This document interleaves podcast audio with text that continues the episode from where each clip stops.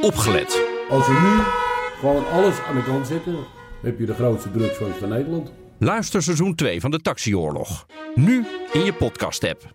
Het ziet ons een beetje zwart voor de ogen. Ja, hoe komt dat? maar dat komt door de zwartgelakte documenten die we allemaal te zien kregen.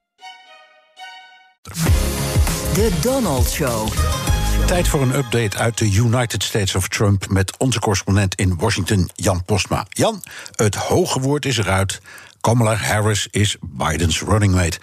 Er komen nu details naar buiten over hoe Biden tot die keus kwam. Ja, dat is wel interessant hoor. Je ziet bijvoorbeeld dat uh, tot het laatste moment er echt nog werd gewerkt aan die keuze. Hij sprak, sprak in de laatste negen dagen nog met elf vrouwen. Uh, veel via video, vanwege corona natuurlijk. Sommige ook persoonlijk. Uh, nou, allemaal wel de bekende namen hoor. Die Tammy Duckworth, Elizabeth Warren. Iedereen die eigenlijk wel genoemd werd. Moet ook wel met zo'n lange lijst natuurlijk. En die mensen zijn natuurlijk allemaal uitgebreid nagetrokken. Kregen een soort sollicitatiegesprek met een team van 15 advocaten. ze werden helemaal doorgelicht. Echt heel intensief, tijdrovend. Ook, ook, volgens mij helemaal niet leuk uh, om dat te doen. Uh, en één opvallend geval, dat is de gouverneur van Michigan. Daar hebben we het ook nog wel over gehad, Gretchen Whitmer. Uh, ja. ja. we wisten dat die naar Biden was gevlogen vorig weekend... maar die heeft dus al vrij vroeg bedankt, blijkt nu... omdat ze vond dat het een zwarte vrouw moest worden. En Biden heeft er toch langer bij gehouden... omdat hij haar wel een goede kandidaat vond. En nog wel een mooi detail. alle kandidaten kregen natuurlijk de vraag... wat zou jij doen als vicepresident? Maar ook een vraag aan iedereen was... wat denk jij dat Trumps voor jou zou zijn. Dus daar werd ook al op geanticipeerd. Ik denk niet dat ze phony Kamala hadden voorspeld. Nee, maar Trump heeft wel al gezegd Kamala Mad Woman. Dus uh, de bijnaam is er. ja. Hoe, ja, ja, ja, ja. hoe ging het achter de schermen bij de Trump-campagne? Die, waren die klaar voor Harris? Nou ja, aan de ene kant wel. Ik kreeg echt een bombardement aan e-mails, sms'jes. Er was ook meteen een attack-ad uh, die, die, online stond.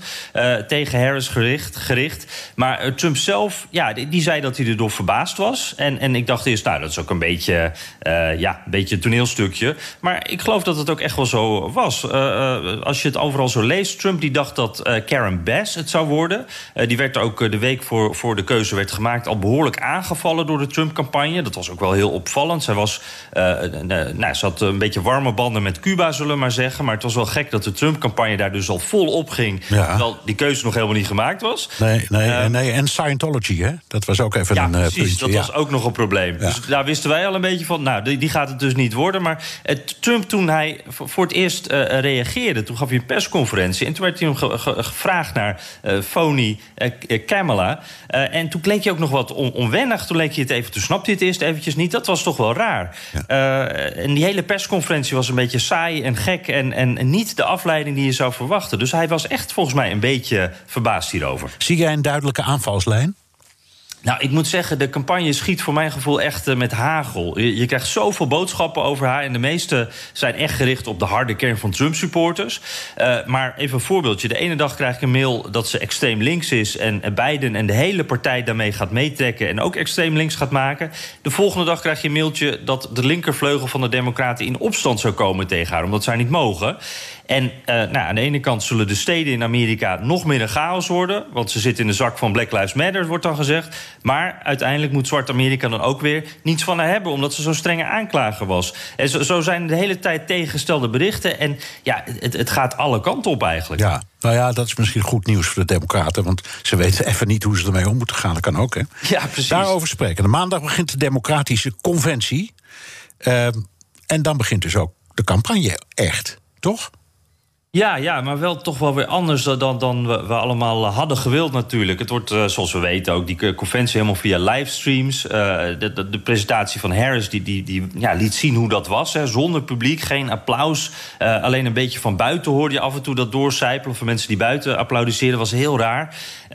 en beide werd erna gevraagd van, nou, gaan jullie nu samen campagne voeren? En toen zeiden, ja, als de wetenschap dat toestaat... dan ga je ons samen zien. ja, dus eigenlijk is dat een nee. En het viel ook wel op hoe ze af afstand van elkaar hielden, mondkapje op, zullen natuurlijk duidelijk laten zien dat zij dit serieus nemen, corona. Uh, Trump die is van plan om juist toch wel extra op pad te gaan volgende week. Tijdens de conventie eh, van de Democraten om die aandacht af te leiden. Hij wil naar een paar battleground eh, states, eh, Wisconsin, Arizona, Pennsylvania onder andere. en dat moet een beetje een mix van Witte Huis-events aan de ene kant, maar ook wel campagne worden. En er rijden inmiddels ook twee bussen met uh, groot de naam Trump erop door het land. Dus toch een beetje campagne. Ja, nou overigens even één dingetje.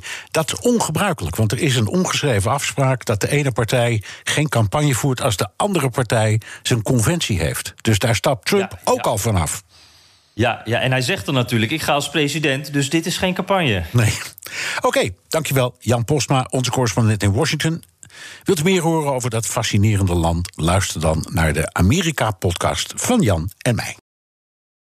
Ook Diana Matroos vind je in de BNR-app. Ja, inderdaad. Je kunt live naar mij luisteren tijdens de Big Five. Ook handig in de BNR-app. Breaking nieuwsmeldingen, maar ook het allerlaatste zakelijke nieuws. En je vindt in de app alle BNR-podcasts, waaronder Wetenschap Vandaag. Download nu de gratis BNR-app en blijf scherp.